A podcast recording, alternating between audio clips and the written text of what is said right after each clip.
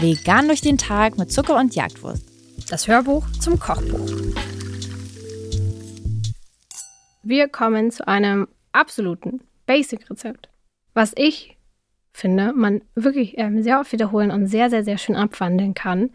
Wir sind auf Seite 75 bei der veganen rote Linsensuppe. Und ja, ich finde, es ist ein absoluter Klassiker. Es ist sättigend, es ist warm, es lässt einen ganz gemütlich in ein Sofa sinken mit einer großen Schüssel davon.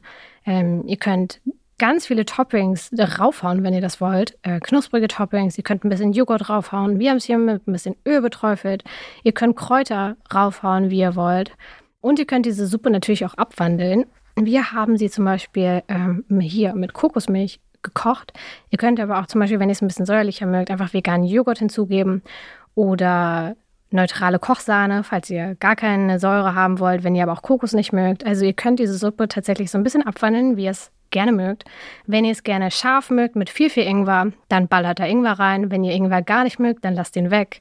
Ähm, also man kann mit dieser Suppe viel machen und ich glaube, man wird es nie versauen. Egal, was ihr macht, was ihr austauscht, am Ende schmeckt diese Suppe irgendwie immer.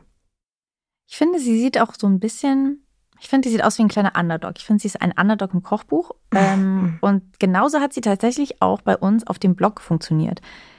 Die Suppe war so unglaublich beliebt. Also ich war davon mhm. selber ein bisschen überrascht.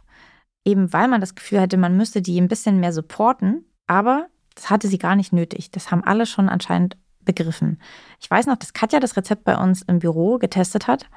Und noch bevor das Rezept überhaupt online ging, weiß ich noch, dass unsere Angestellte Lina heimlich sich bei uns in die Rezepte reingehackt hatte und bereits das Rezept sich runtergezogen und ausgedruckt hatte. Sie hat es schon nachgekocht. Auch ich habe es damals schon, bevor es online ging, nachgekocht bei einem Essen mit Freundinnen und dort wiederum wurde ich auch schon nach dem Rezept gefragt.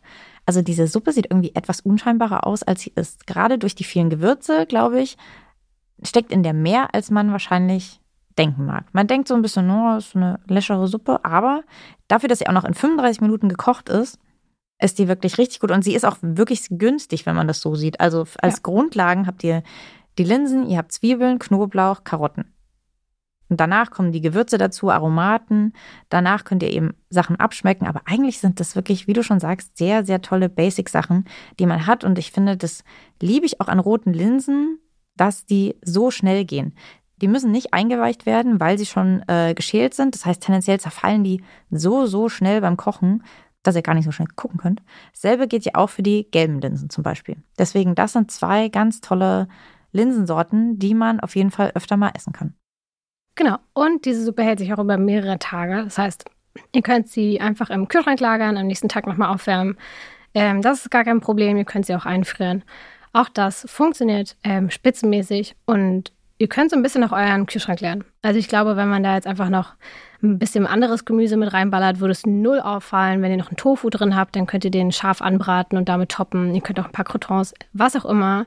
Ähm, diese Suppe verzeiht ganz, ganz viel und schmeckt wirklich viel besser, als ihr es vielleicht klappt. Ran an die Linsen. Ja, ran an die Linsen. Ran an die Linsen. Und damit viel Spaß.